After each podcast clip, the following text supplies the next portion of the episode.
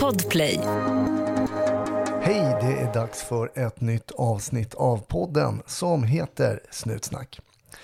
Idag heter min gäst Stefan och han har jobbat som trafikpolis. Ja, sedan 1983 har han suttit på motorcykel eller i en eh, trafikpolisbil. Hur har det varit att eh, snurra runt vägarna kring Nyköping där han har hållit till eh, allra, allra mest?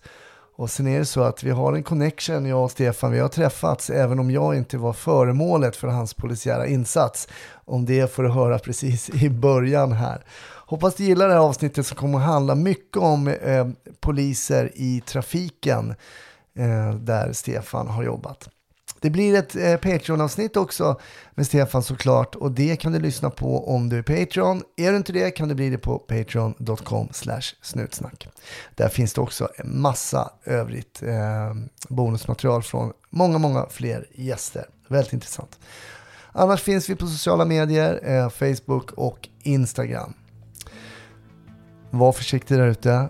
Hoppas du får en riktigt trevlig lyssning.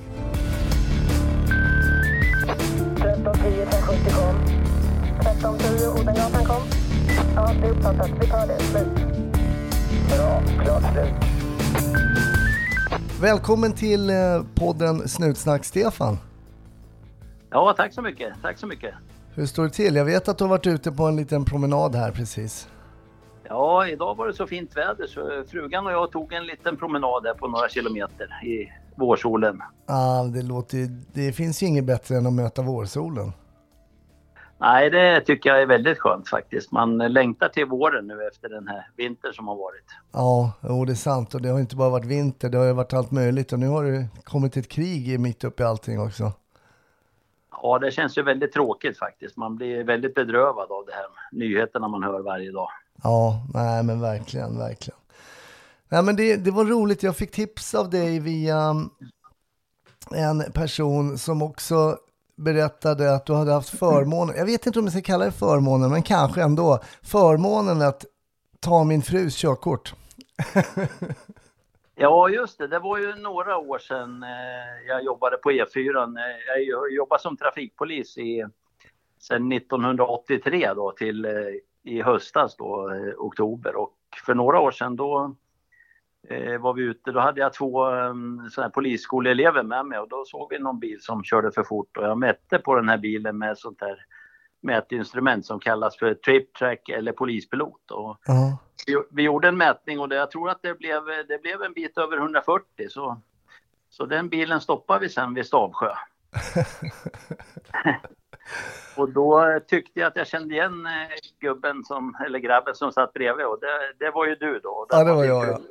Det var din fru som körde så att vi pratades väl vidare och så fick hon betala 4 000 och blev av med körkortet där också. Ja, nej men det Och är plats. sådär, det är sådär när man inte har laglydig, en laglydig fru.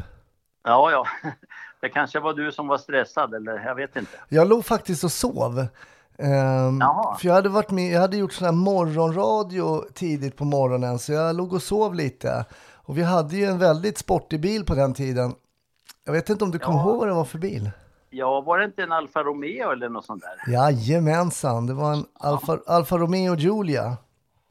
Okej, ja, ja, men då är det inte så lätt att hålla hastigheten förstår jag. Nej, precis. Eh, och så då väcker de mig jag säger, nej men nu tror jag jag blir stoppad och, och då körde ni, det reagerade jag faktiskt lite på för ni körde spaden. Ja, just det. Eh, när vi stoppar, alltså vi, normalt sett om du åker på en vanlig väg, då har vi det stoppandet bakifrån och då, då stannar ju bilen framför. Men när vi kör på motorvägen, då vill man inte bli stående i vägrenen utan då åker vi förbi och tutar och sen kör vi spaden och sen försöker vi åka in på någon sån här poliskontrollplats eller en avfart för, Mm. att, för att slippa stå vid, det är för farligt att stå vid vägkanten där. Så då, Ah. då blir det gamla spaden och det stoppandet. Ja, jag fattar, jag fattar. För jag var lite sådär, jag sa till mig, nej spade, det där, det där, är, det, där det, det verkar omodernt med Ja. spade. ja, och det var ju det jag lärde mig när jag gick polisskolan 1974. Så att, Då funkar den. då funkar spaden. Men sen har vi ju till och med vi i Nyköping på 80-talet eh, utvecklade det här stoppandet bakifrån också. På Mm. polisbilarna som kom då. Mm. att, eh, Men motorvägen när vi jobbar där och stoppar, då, då kör vi det här med spaden eller åker upp bredvid och tutar. Både med motorcykel och bil faktiskt. Ja, men jag sa det till min fru efter eh, det, det hela var över så att säga. Då fick jag köra och ehm, eh, nej men då, först var ju hon en av de gladaste eh, som någonsin har blivit av med körkortet. Hon var ju otro, hon var ju också höggravid också tror jag. Eh, och sen så betalade hon de där 4000 i bilen och sa hon så här, äh, nu är det betalt, nu har det inte hänt. Nej, nej. nej, men jag minns att hon, hon var ju inte arg på oss på något vis då i alla fall. Nej, nej, det var hon inte. kom Nej. senare, jag vet inte. Nej då, det kom, nej då. Jag tror att det var... Ibland får man ju liksom tänka på hur många gånger man kanske har varit över någon kilometer och inte blivit stoppad, så det kanske har ackumulerat ihop sig till en 4000 när man är uppåt 40.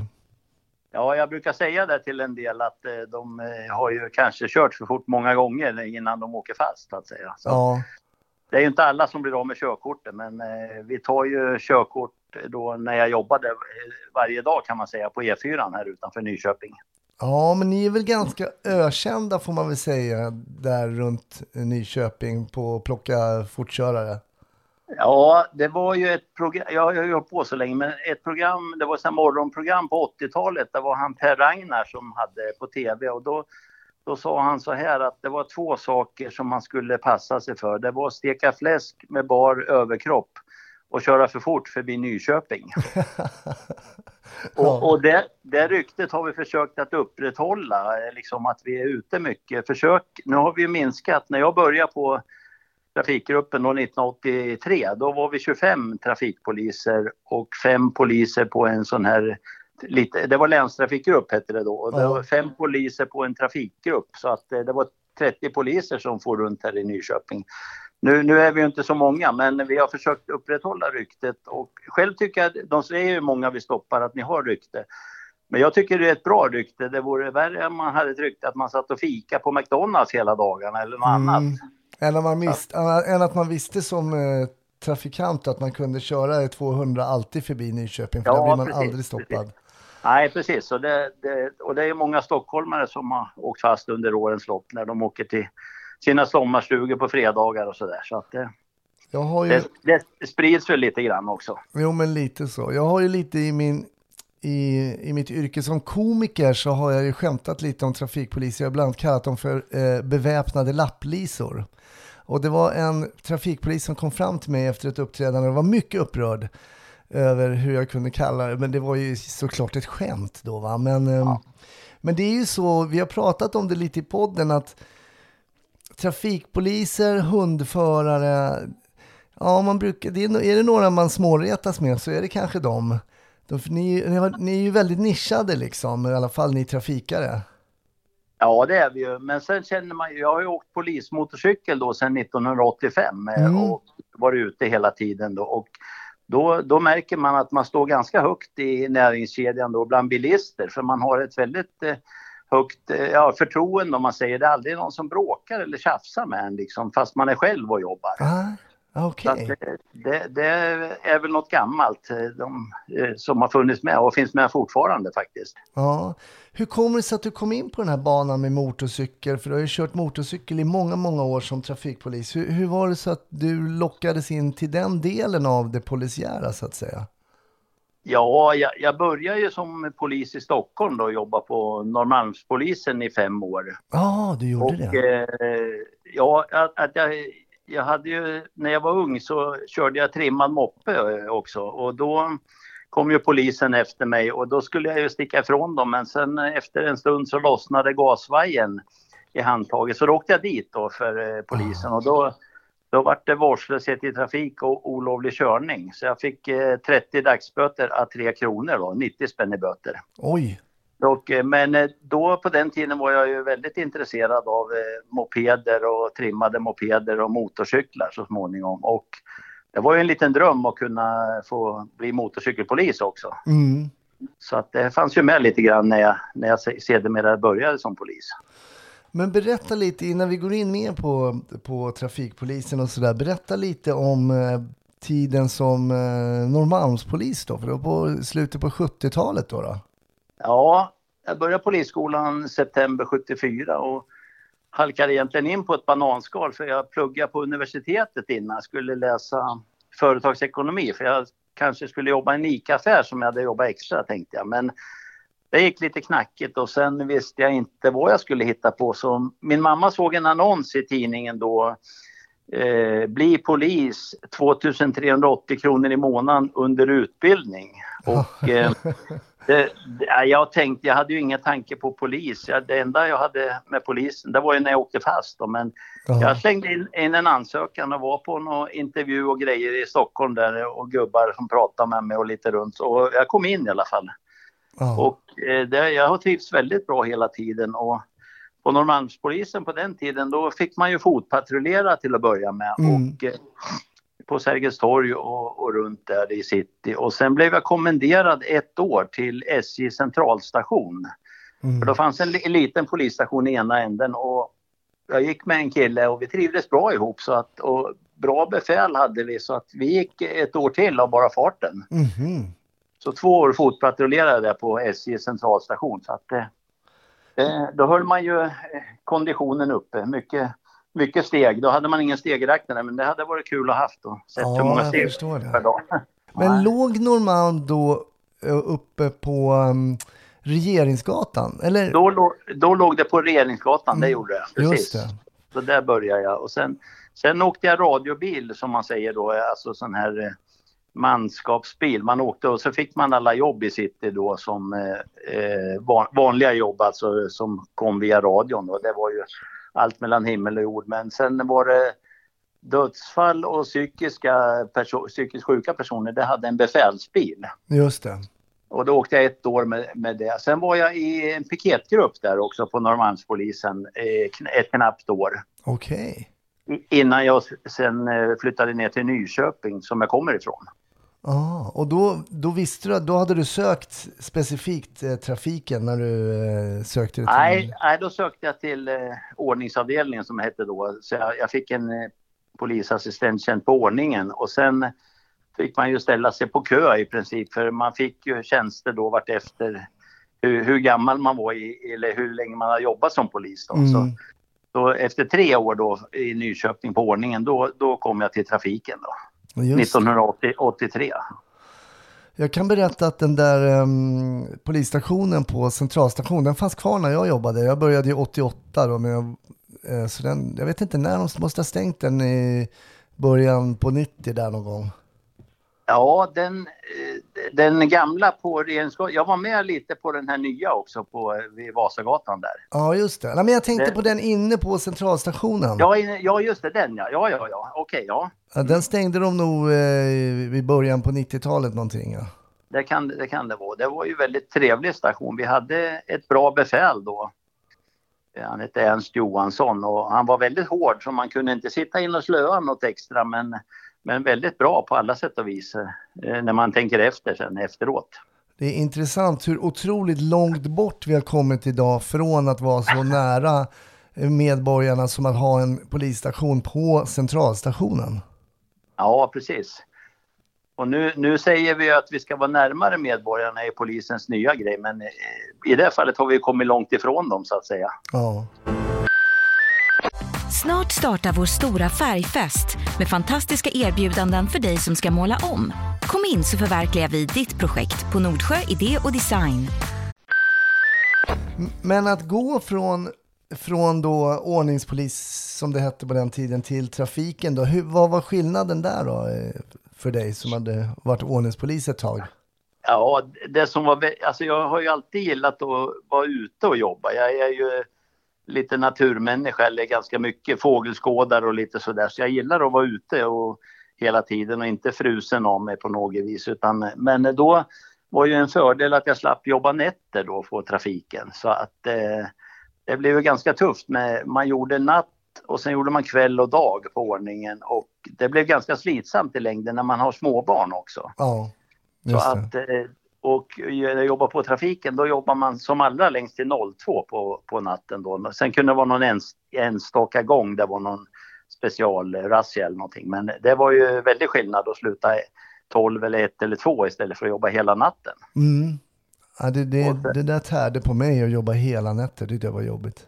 Ja, det blir jobbigt i längden. Och sen var det väldigt bra, alltså vi, man var ju lite mer fredad då på trafiken. Vi kunde jobba med våra kontroller. Men sen om det blev några större grejer eller ordningsbilarna var upptagna, då fick vi ju de jobben också. Mm. Och alltid om det var större, om det blev något bankrån som var på den tiden eller värdetransportrån eller annat, då var vi med på det. Så man var ju alltid med i smeten också när det hände större Mm. grejer. Min pappa jobbade ju som trafikpolis. Han var ju på läns- länstrafiken. Ja, I Västberga var han då på den tiden. Okej, okej. Eh, Han började väl eh, ja, men mitten 60-talet och sen var han på Maria, hette det i Stockholm. Och sen så var det trafiken då för hela slanten. Så jag har ju en trafikpolis, jag har, eller jag har inte det längre. Pappa lever ju inte längre, men jag har ju haft en trafikpolis i släkten så att säga. Ja, just det, just det. Så det var mycket, jag kommer pappa, det, var en, det, det har jag ett väldigt starkt minne av. Pappa kom hem alltså eh, till, vi bodde i ett litet villaområde i Enskede söder om stan. Och då hade de alltså på trafiken fått in en Volvo, eller vad säger jag, en Saab Turbo. Ja, just det. Ja, och turbo på den tiden, det var ju det, det ordet kände man inte till, men det lät ju som att det var raketmotor i den där när man hörde att något var turbo. Ja, just det, just det. Och då fick jag och min brorsa åka med en sväng i den här Saab Turbo då. Det var ju riktigt häftigt alltså. Ja, och det, fann, det fanns ju på den tiden när jag började också här i Nyköping eh, 1983. Då hade vi ju turbo och eh, något som kallas för Trafipax. Det var ju en eh, kamera som satt i, framme i bilen vid rutan så man tog bilder på bilarna eh, bakifrån då. Och det, det var ju en turbobil och den var ju extremt snabb i förhållande till andra bilar då om vi säger på i början av 80-talet så var Ja. ju Saabarna väldigt snabba. Just det. Ja, vi pratade i ett tidigare avsnitt här av podden om populära eh, fordon på ordningen och då låg Saab lite dåligt till. Han tyckte väl att eh, Volvo var mer, eh, mer hanterbar som ordningspolisfordon i alla fall. Ja, det, det har de nog tyckt och den allra, allra bästa Volvon det är ju en sån här eh, XC70 som börjar försvinna nu. Det är ju den som har varit kanonbra i alla tider, just på ordningen om man säger. Ja, just det. Eh, Själv har jag åkt nu senare år, ansvarar vi för olika bilar, jag har åkt en Passat, eh, Folkman Passat då, med, Mm. med 280 hästkrafter och det är ju en fantastisk bil, fyrhjulsdriven då. Den är ju lite lägre, inte den här Alltrack som finns men den är fantastisk, det ligger bra på vägen och på alla sätt och vis och smidig att köra.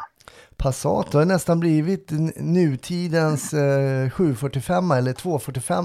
Det är väldigt Ja. populär så familjebil också eftersom den är kombi. Det, Och... det, det kan jag mycket väl tänka mig. Själv eh, åker jag nästan alltid Volvo faktiskt. Ja, det gör det. Jag är lite Volvo, Volvo-fan.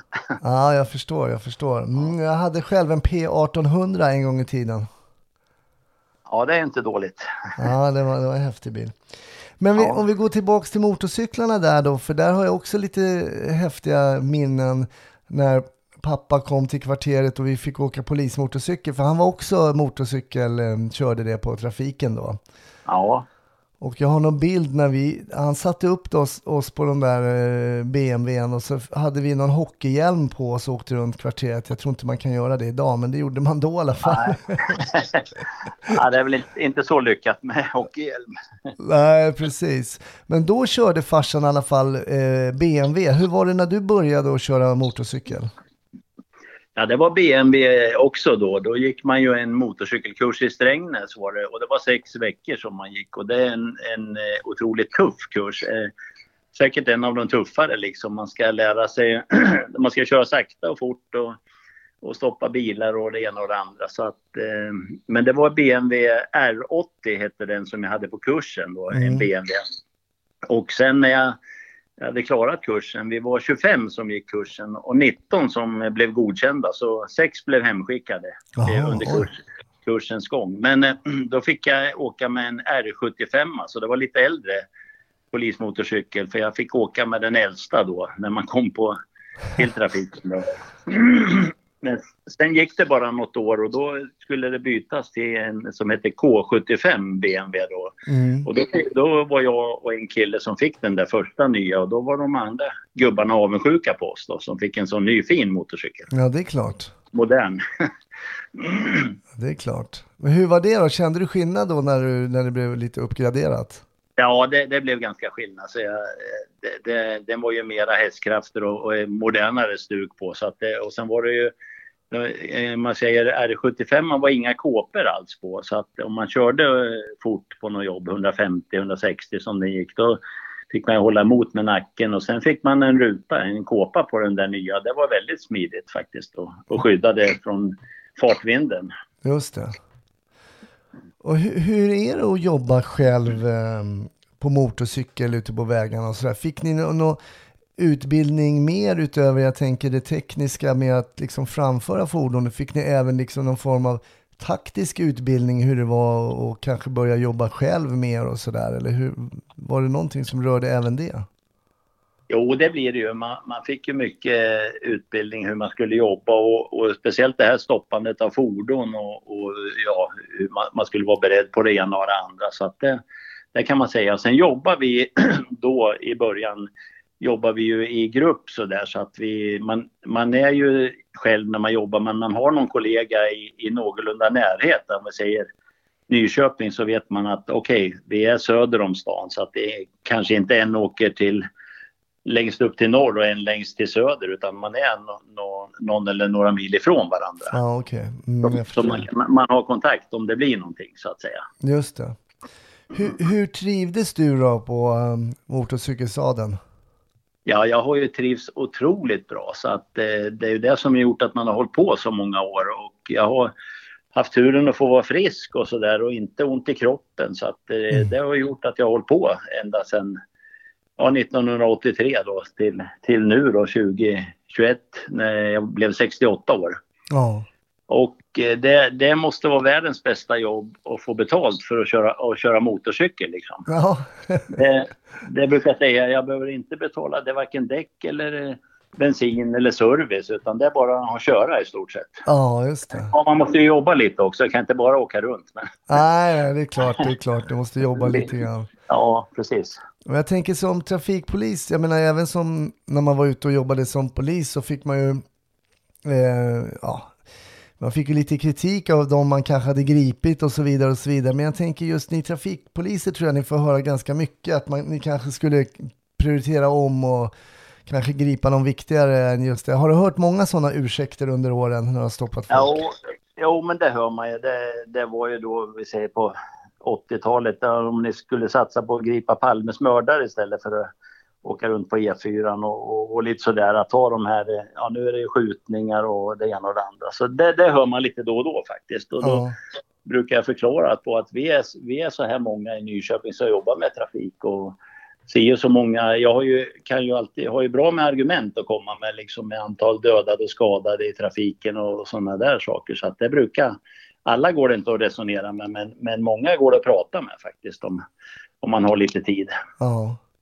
Hur viktig är den, eh, jag menar när man stoppar någon sådär och du vet kanske att nu ryker körkortet för den här personen och så vidare och så vidare. Hur, hur viktigt är det att ha lite um, inövat liksom och lite rutin kring på hur man ska agera där? Ja, det känns ju väldigt viktigt och jag har ju haft en fördel där att jag har lång stubin så att säga. Det, jag blir väldigt sällan arg, alltså det händer väl någon, någon, gång om året som jag blir riktigt arg. Men, och det, det, vinner man ju mycket på. Sen har jag ju argument och försöker förklara för dem hur, allting hur det är och att de har möjlighet att prata med Transportstyrelsen om körkortet och så vidare och böterna det kan de ju antingen erkänna på direkt om man skriver ut i telefon eller om de vill ha det prövat av åklagare eller rättegång. Så att man, man förklarar ju de här bitarna. Så att, eh, mm.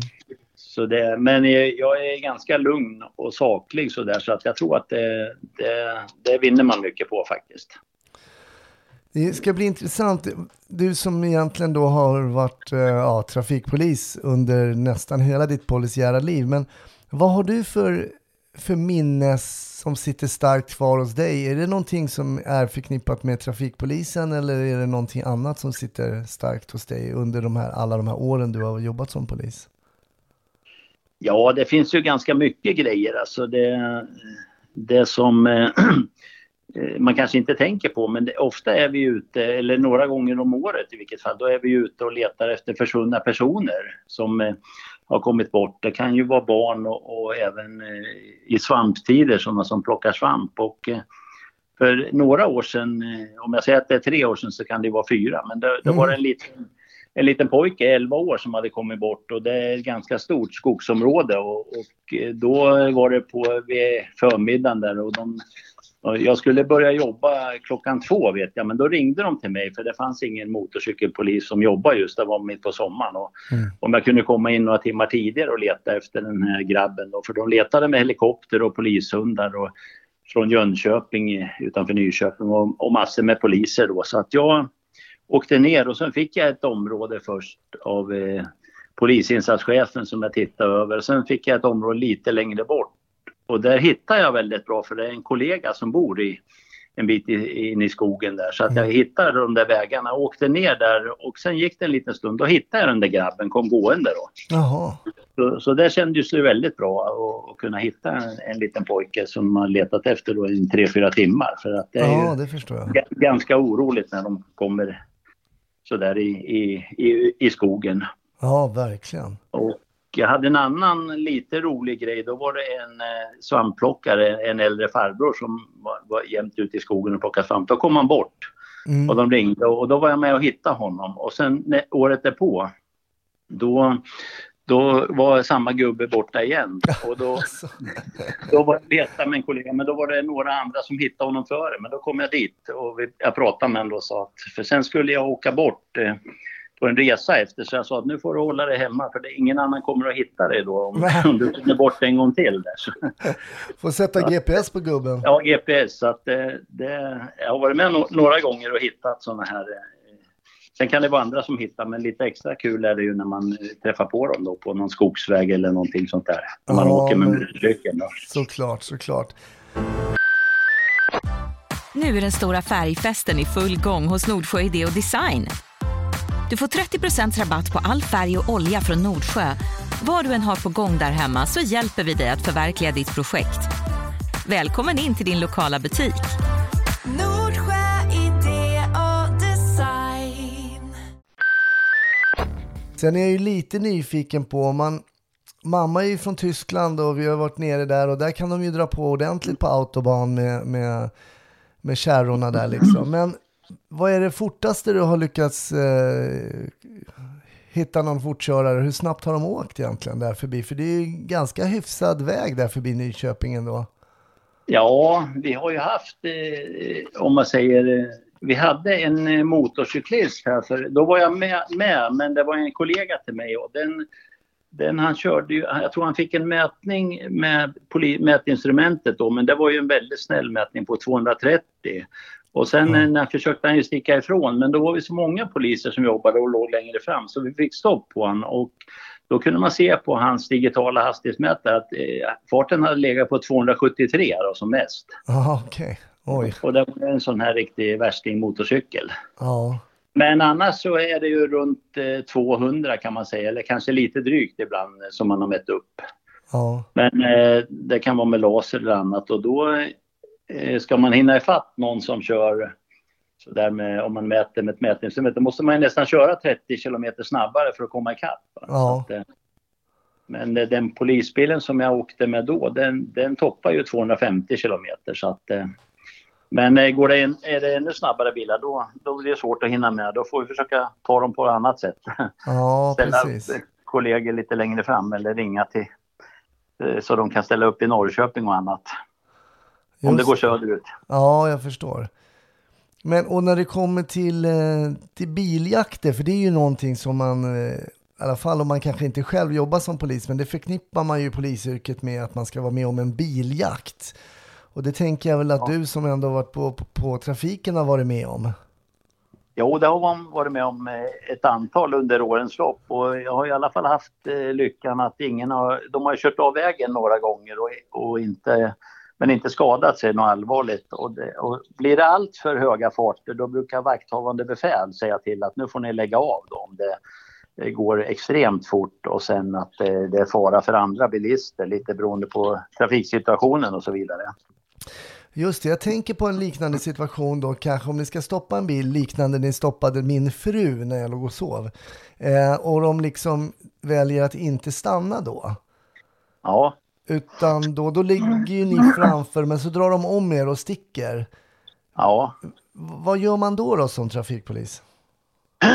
Ja, då, först har man ju redan kollat upp registreringsnumret. Vi har ju i våra mobiltelefoner kan vi slå på bilarna, alltså man gör en slagning och ser vem som äger bilen och så vidare. Och sen har jag ju åkt upp bredvid så jag ser ju vem som kör, om det är en, eh, vad det är för person. Och, och, då- och då kan man ju få fram kanske om det är bilägaren som kör bilen och så vidare. Mm. Så då har man den kontrollen. Men sen åker man ju efter då. Sen eh, ropar man upp ledningscentralen då. Eh, riksled, R, RLC som det heter då i Linköping.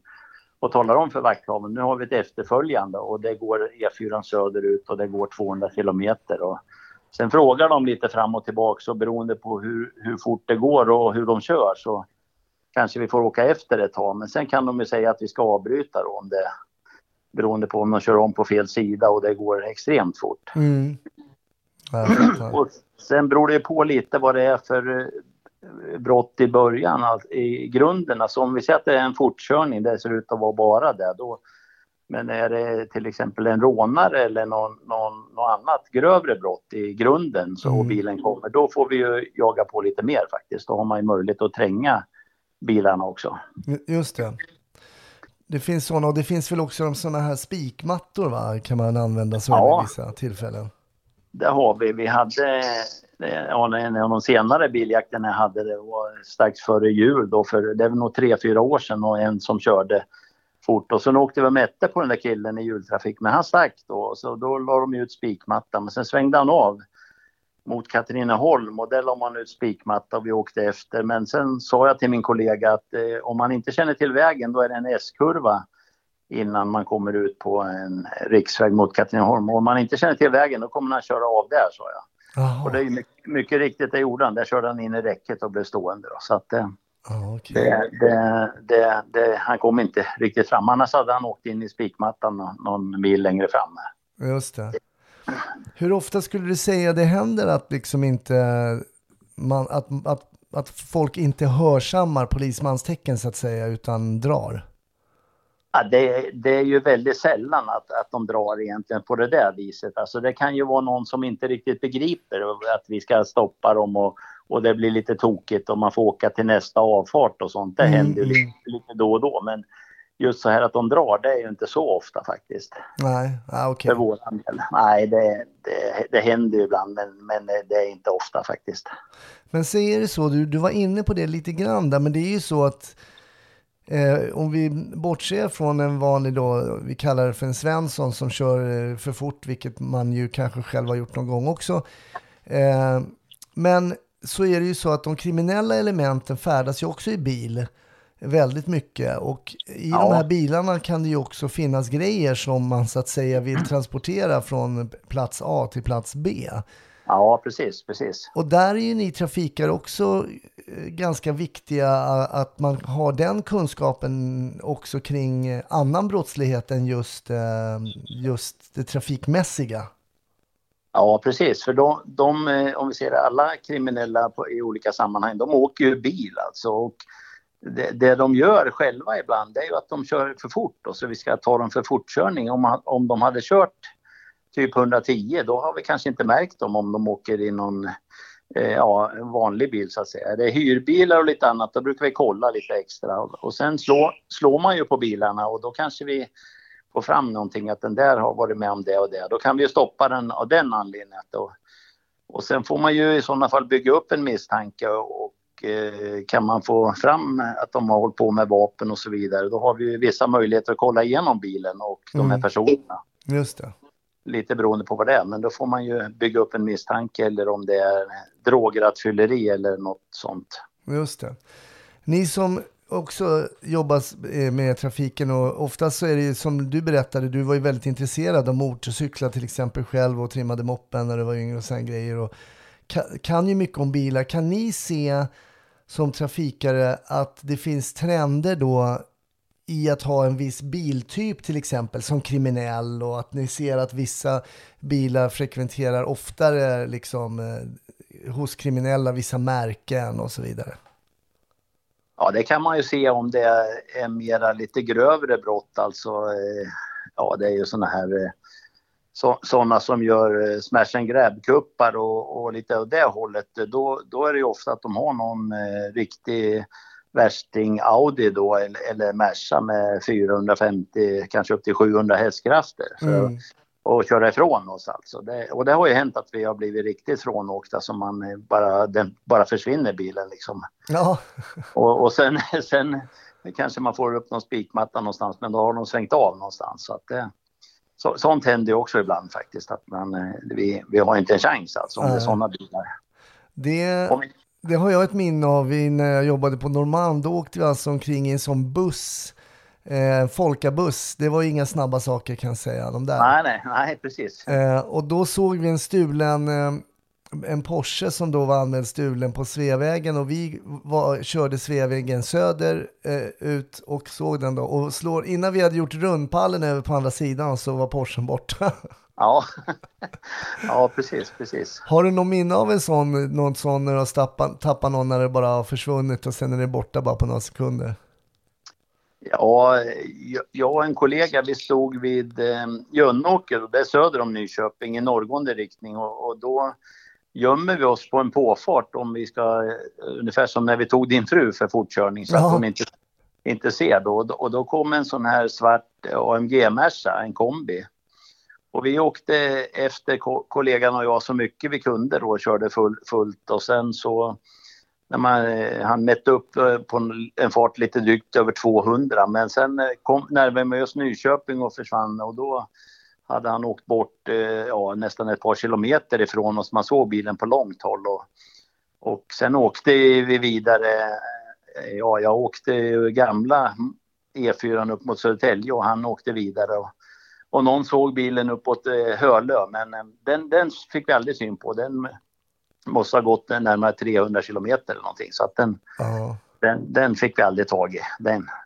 Det är, ändå lustigt var- att, att såna, det är ändå lustigt att de minnena sitter kvar också när det liksom inte blev något utan när det bara... Ja, ja det, det tycker man är förargligt och undrar liksom eh, var det någon vapentransport eller narkotikatransport eller vad, vad kan det ha varit för något? ja, just det. Det vet man ju inte. Men om vi återgår till det här som du nämnde när du pratar med folk så, då man kan bli kanske lite upprörd att man blir av med, med körkortet. Men du sa att du har argumenten och du har statistiken och det finns ju en anledning till varför just trafikpoliser är ute på vägarna och vistas på vägarna. För det är ju så att det avlider ju många människor just i trafiken. Ja, precis, precis. Och jag, i och med att jag har hållit på så många år också så har man ju varit med om ganska mycket. För eh, när jag började då på 1983 då var det ju till exempel inte motorväg utanför Nyköping. Det var bara vissa delar.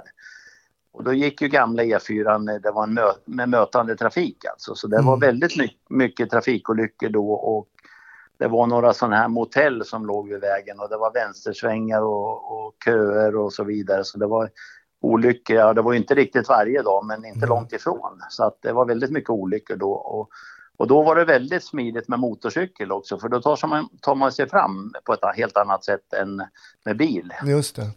Så att, men, men då har det ju blivit mycket säkrare idag när du har eh, motorvägar och du har eh, mitträcken och, och eh, räcken på sidan av vägarna också. Ja, precis. Jag Så att tänker det- att du, du kanske har, kan eventuellt också ha märkt av den här skillnaden. Inte bara vägarna är, är bättre, utan bilarna är ju bättre också. Det är airbags som slås upp och så vidare och så vidare. Att det har blivit Ja, lite det- skillnad ändå. En enorm skillnad på bilar alltså. Och, och tit- tittar du då, jag, jag kommer, det är väl typ år 2020, då de, de, så- 25 procent av de som dog i bilolyckor då, de dog i bilar som var tillverkade före 2000. Mm. Och det, bilarna har ju blivit enormt mycket säkrare de senaste, om vi säger 10 eller 10-15 åren. Mm. Och eh, vi har ju, eh, om vi säger då, det, det var ju runt tusen döda vissa, vissa år där och då fanns det kanske bara en miljon bilar i Sverige och nu är det fem miljoner bilar och vi, vi kommer kanske ner under 200 döda Ja, i trafiken. just det.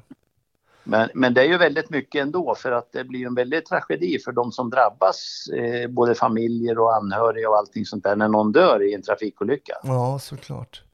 Hur har du reagerat på att komma fram till trafikolyckor, i vissa fall kanske med då till och med som du berättar med dödlig utgång och sådär. Hur, hur har du hanterat det personligen? Ja, jag, jag brukar klara av det bra men man berörs ju väldigt mycket av olyckor och eh, känns väldigt tråkigt. En av de värre, jag har varit på ganska många dödsolyckor under årens lopp då, men en av de värre var väl kanske nu, det är väl en 10 år sedan, 10-12 år sedan, men det var en ung tjej som eh, körde moped och, och blev så bländad av solen och körde rakt igenom bommen och sen kommer ett tåg och kör rätt på henne, Oj, oj, oj. den här tjejen. Och då när man går där vid järnvägsrälsen då, då det känns väldigt tufft faktiskt och, och tragiskt liksom att en så ung tjej skulle behöva dö Ja. i, i en sån olycka faktiskt. Och det, det, det brukar jag tänka på nästan varje gång jag åker förbi det där stället att här var det en förskräcklig tragisk olycka. Mm. Man blir påmind av den geografiska platsen. Ja, ja det blir man, det blir man faktiskt. Ja. Hur stor vikt tycker du att det är just med eh, polisiär syn, synlighet ute på våra vägar? Ja, det tror, det tror jag är väldigt bra liksom att eh, man märker ju själv när man är ute och vi, vi åker i princip alltid målade fordon då, både motorcyklar och bilar här i Nyköping. Mm. Vi, vi tycker att det är det allra bästa för ser du en eh, polismotorcykel som har stoppat en bil kanske på eh, en sån här poliskontrollficka, det, det är nästan den bästa effekten då för att Mm. folk tar det lite lugnare. Just det. Och, och därför försöker vi vara ute och synas så mycket som möjligt faktiskt. Har du någon gång under alla dina år själv blivit stoppad? I, inte annat än eh, så här nykterhetskontroller faktiskt. Jag har peppar peppar aldrig åkt dit för, själv för fortkörning, även om jag har kört så fort många gånger. Så Ja. det, det är nog mer tur än skicklighet. ja, just det. Det är ju ganska otroligt ändå hur få gånger man blir stoppad faktiskt. Eh, av, eh, av polisen bara på ja, en nykterhetskontroll eller, eller sådär.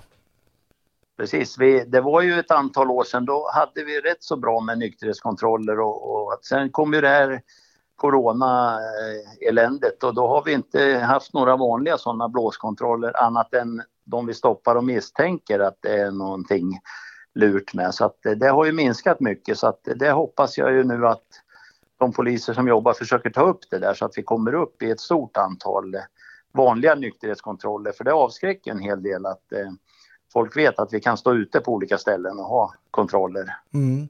För jag tänker det är väl också någonting som du har varit på mycket. Dels är det väl så att allmänheten ibland ringer in och säger nu tror jag att det är en förare som eh, framför ett fordon här eh, påverkad av al- alkoholhaltig dryck till exempel. Eh, hur har det sett ut för dig där då, att stoppa personer som har varit påverkade?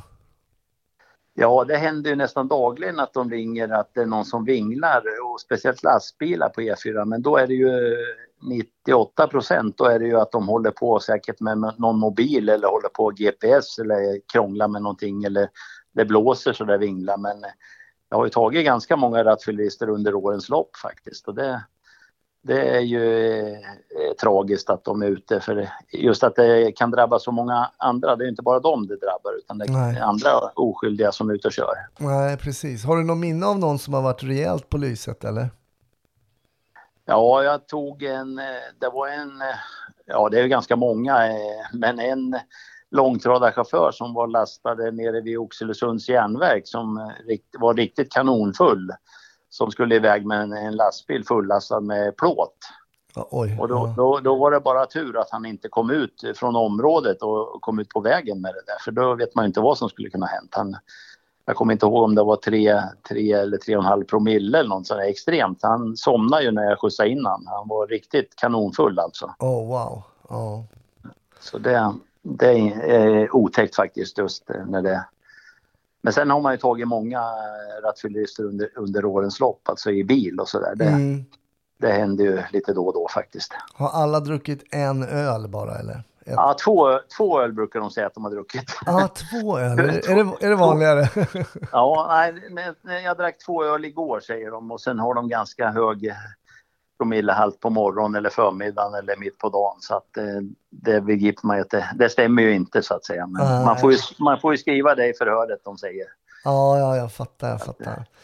Men man, när man ändå pratar om trafiken, man måste ju alltid prata om nördarna. Det finns ju de som är ännu mer, jag menar motorcyklister i all ära, men det finns ju den här, jag tänker på de här tunga gruppen. Ja, just det. Just. Trafikpoliser som väger lastbilar och sånt. Hade ni några sådana också där i Nyköping eller? Ja då, det finns, nu, nu är vi så få så vi har, eh, då, om vi ser förr, då fanns det en tung grupp och en lätt grupp och jag har alltid jobbat i lätta gruppen så jag jobbar med fortkörningar, rattfyllerister och det enda utbildning jag har på tunga sidan det är kontroll av sådana här lastbilar med farligt gods. Ja, De här or- orangea skyltarna, det är det enda jag har eh, den utbildningen. Annars kan jag, kan jag inte väga eller har inte utbildning för kör och vilotider så att säga. Men, men eh, det, det har vi några experter på i Nyköping också. Och då är det. en polis som är väldigt duktig på det där plus att vi har två duktiga bilinspektörer. mm. De är civilanställda ju- just för och de är ju duktiga på att besiktiga bilar och de är just det här med kör och vilotider och kolla det på lastbil eller ja, lastbilar är det främst då, men även bussar ibland. just det, för det är, det är strikt reglerat hur länge man får så att säga jobba som lastbilschaufför utan Ja, precis. krävs det vila och så vidare. Ja, precis. Och det finns ju regler. Och det är ju ett data... Nu är det datoriserat. Förr var det ju sådana här eh, ja, skivor. Nu tappar jag namnet på det. Diag- Diagram i färdskrivaren. Men nu är det ju digitalt så att säga. De stoppar in ett kort och läser av både bilen och, och föraren hur, hur mycket de har kört och så vidare. Just det. Jag hade ju, jag har sparat från pappa så han hade ju på sin eh, trafik, eh, han, de åkte ju ofta i overall den här. Eh, Ja, Eh, och sen hade han också en sån stor metall, jag tror att det var flygande inspektion eller någonting, jag vet inte vad, det var som ett polismärke, ovalt var det som är äggformat. ja just det. det. Det är bev- bevis om flygande inspektion så att man har rätt att besiktiga fordon då. Just det, så. Eh, Det kan vi vissa har ju rätt att besiktiga min, eh, lätta fordon då och motorcyklar och en del har ju så att de kan besiktiga tung trafik, så alltså eh, tunga lastbilar, långtradare och så vidare. Just det. Jag har kvar hans den där metall... Eh, brå, Ja, ja. Bråsen där. Ja. Ja, just det, just det. ja, men vad spännande. Här har vi fått oss en, en, en ordentlig insyn i livet som eh, trafikpolis. Och då är min fråga till dig, jag brukar alltid avrunda med att fråga, du kanske bara tittar på eh, biljakter då på film? Nej, det har väl hänt någon gång eller man, man får något sånt där på Facebook eller Youtube och lite sånt där. Men eh, annars blir det inte så mycket man tittar på. Nej, är du mer ute i naturen än du sitter framför eh, tvn? Ja, det, det kan man säga att jag är mer, mer ute i naturen och tittar på fåglar än, än framför tvn faktiskt. Men det blir ju lite mer tv-tittande på vintertiden. Ja. så Och sommaren. Ja, det är naturligt ja. Ja. Men eh, kan du se liksom polisfilmer och sådär utan att sitta och klaga inför de som sitter med eller? Ja, det kan jag göra. Det, de här amerikanska, då brukar de ju om, om de gör något fel eller inte är så bra, då brukar de hota med att de kan få bli trafikpoliser Ja. och, och sådär. så är det alltid i amerikanska filmer. Ja. Ja, det är alltid liksom, men det kan, det kan jag ta. Det, Ja. Men eh, annars tycker jag väl, jag, frugan och jag håller på att titta ikapp på de här Beck-filmerna. Vi, vi Mm. ligger no, några filmer efter och sen eh, det här tunna blå linjen som gick tyckte jag var ganska bra faktiskt. Ja, Eh, just det. Rätt, så nära, rätt så nära verkligheten tyckte jag Ja, faktiskt. ja, jag Om håller man får med. till det. Mm. Intressant. Ja, Beck och Tunna blå linjen. Ja, men det, det håller jag Ja. med om. Det, det, det är bra. Men eh, Stefan, stort tack. Vad intressant det har varit att få. Vi har fått mycket, eh, Eh, mycket till oss här vad gäller eh, hur det är att jobba som trafikpolis. Vi ska prata vidare lite i Patreon-avsnittet också, men stort tack så länge Stefan. Ja, tack så du ha. Tack själv.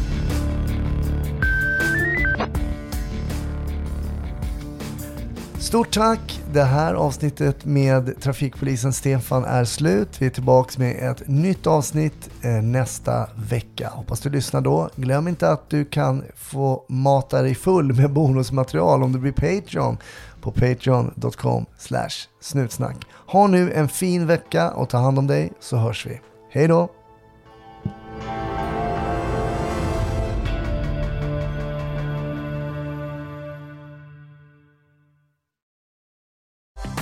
Startar vår stora färgfest med fantastiska erbjudanden för dig som ska måla om.